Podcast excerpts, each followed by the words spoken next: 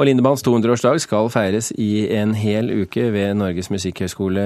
Lindemann grunnla jo Musikkonservatoriet i Kristiania i sin tid, og senere så ble det overtatt av staten og ble til Musikkhøgskolen. Harald Herresdal, professor ved Musikkhøgskolen, og som Lindemann også organist. Og hovedansvarlig for feiringen. Velkommen til Kulturnytt. Takk skal du ha. Hvorfor fortjener Lindemann en ukes feiring? Ja, jeg mener jo at han eh, på en måte er litt underkjent i forhold til de andre pionerene og nasjonsbyggerne på 1800-tallet.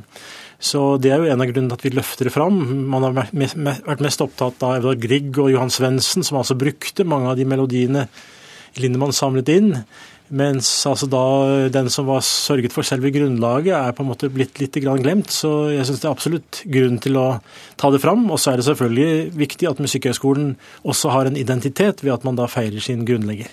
Ja, Han og, og, sønnen, var det det? Peter? Peter Lindemann, ja. Så Hvem av dem har fått Lindemann-salen i Musikkonservatoriet? Nei, Musikkhøgskolen?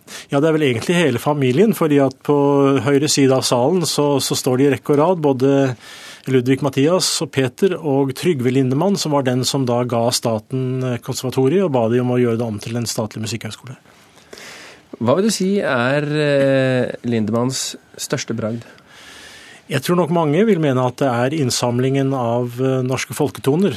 Og det skjedde jo på et tidspunkt hvor man kanskje kunne ha tenkt at den holdt på å forsvinne. Så f.eks. innsamlingene hans eh, i 1848 den er jo nå på verdensarvlisten til altså UNESCO.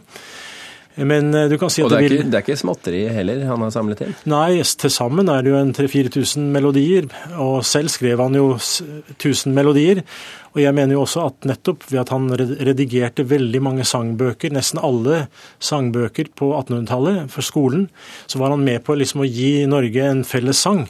Og det var jo det vi hørte nå innledningsvis, også med 'Mellom bakkar og berg'. De fleste kan vel den.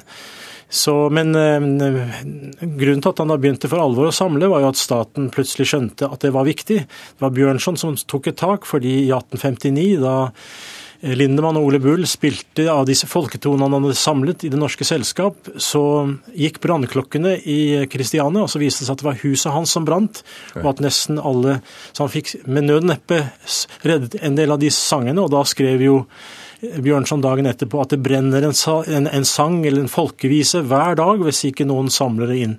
Og Dermed så fikk han statsstøtte og kunne altså årlig reise ut og samle inn i alle mulige bygder. Vi vet jo at Asbjørnsen Moe har blitt omtalt som svært viktig for nasjonsbyggingen. Du eh, hentyder jo også at Lindemann var det. På hvilken måte? Ja, Han var jo det på musikkens område. Og, og eh, Asbjørnsen og Moe de, og Lindemann de var jo sammen i Studentersamfunnet. Og det var jo Henrik Wergeland som i sin tid da prøvde å inspirere de til å dra ut og samle inn det som var folkeskatten vår. En brobygger Eh, er han omtalt som eh, en brobygger mellom kirkemusikk og det folkelige. Var det egentlig en veldig lang bro? Ja, du kan si, Hvis man skulle tenke på akkurat han som brobygger i den sammenhengen, så var det vel det at uh, salmesangen i Norge sto på et ganske lavt nivå. Og det var oppgaven å prøve å skape en fellessang, fordi man sang forskjellige melodier og tekster rundt om i landet. Så både han og selvfølgelig de sånn som Landstad, som var med han på å lage den nye norske salmeboken, de ble selvfølgelig veldig viktige i den sammenhengen. På alle fotografier i hvert fall som jeg har sett, så ser han ut som en veldig streng og humørløs mann. Var han det? Ja, altså hvordan det var med humøret hans. altså Når man leser noen av brevene, så kan man vel kanskje tro at han eh, også hadde, hadde humør, men han var jo en han, jeg mener For å lage så mange melodier, så tror jeg han jobbet ustanselig. Eh, og han var jo mm, fordi han også var en, en lærd musiker, så var han også i strid selvfølgelig med sine omgivelser i, i norsk sammenheng. Så han var nok ikke så enkel å ha med å gjøre. Så f.eks. når man skulle bygge orgler rundt om i de kirkene som ble bygd i Norge, så var det jo han som var orgelkonsulent, og da måtte man nesten holde seg inne med han hvis man skulle få et oppdrag som orgelbygger. Det er jo også litt interessant, og det sier vel kanskje noe om hans uh, storhet, uh, at da Royal Albert Hall i London skulle, skulle prøve sitt ferske, ferske orgel, så var det Bruckner og Saint-Saëns og Lindemann. Ja, og pluss noen til. Men de, de, er ikke så kjente. Men, de, men, det er klart at Lindemann eh, gikk jo av med seieren på en måte, for Bruckner fikk veldig dårlig kritikk eh, for sitt spill. Eh, og Lindemann, der måtte han gi ekstra konserter, og det tror jeg var nettopp fordi at engelskmenn elsket å høre norske folketoner og hans egne melodier når han improviserte over dem. Og han var jo også en strålende improvisator. Han kunne altså på stående fot improvisere fuger i, i altså barokkstil. Men det er jo en ting også, for han vel å merke samlet han eh, folketonene, men han eh, eh, skrev dem jo om for piano. Eh, og det ble kritisert bl.a. Av, av Grieg.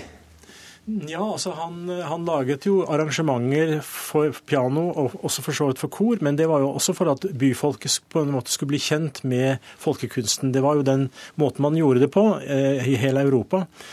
Og eh, det er klart at Grieg følte vel kanskje at eh, Lindemann ikke var dristig nok. Fordi han følte at det var mange mer spennende harmonier som lå der. Men jeg tror Lindemann egentlig var dristig nok for sin tid. Og så har da på en måte senere bearbeidere eh, vært dristige og dristigere helt opp til vår egen tid. Det er altså et 200-årsjubileum. Dere begynte med kranselnedleggelse ved bysten i dag. Det skal pågå en uke. Hvordan, har dere tenkt til å feire ham?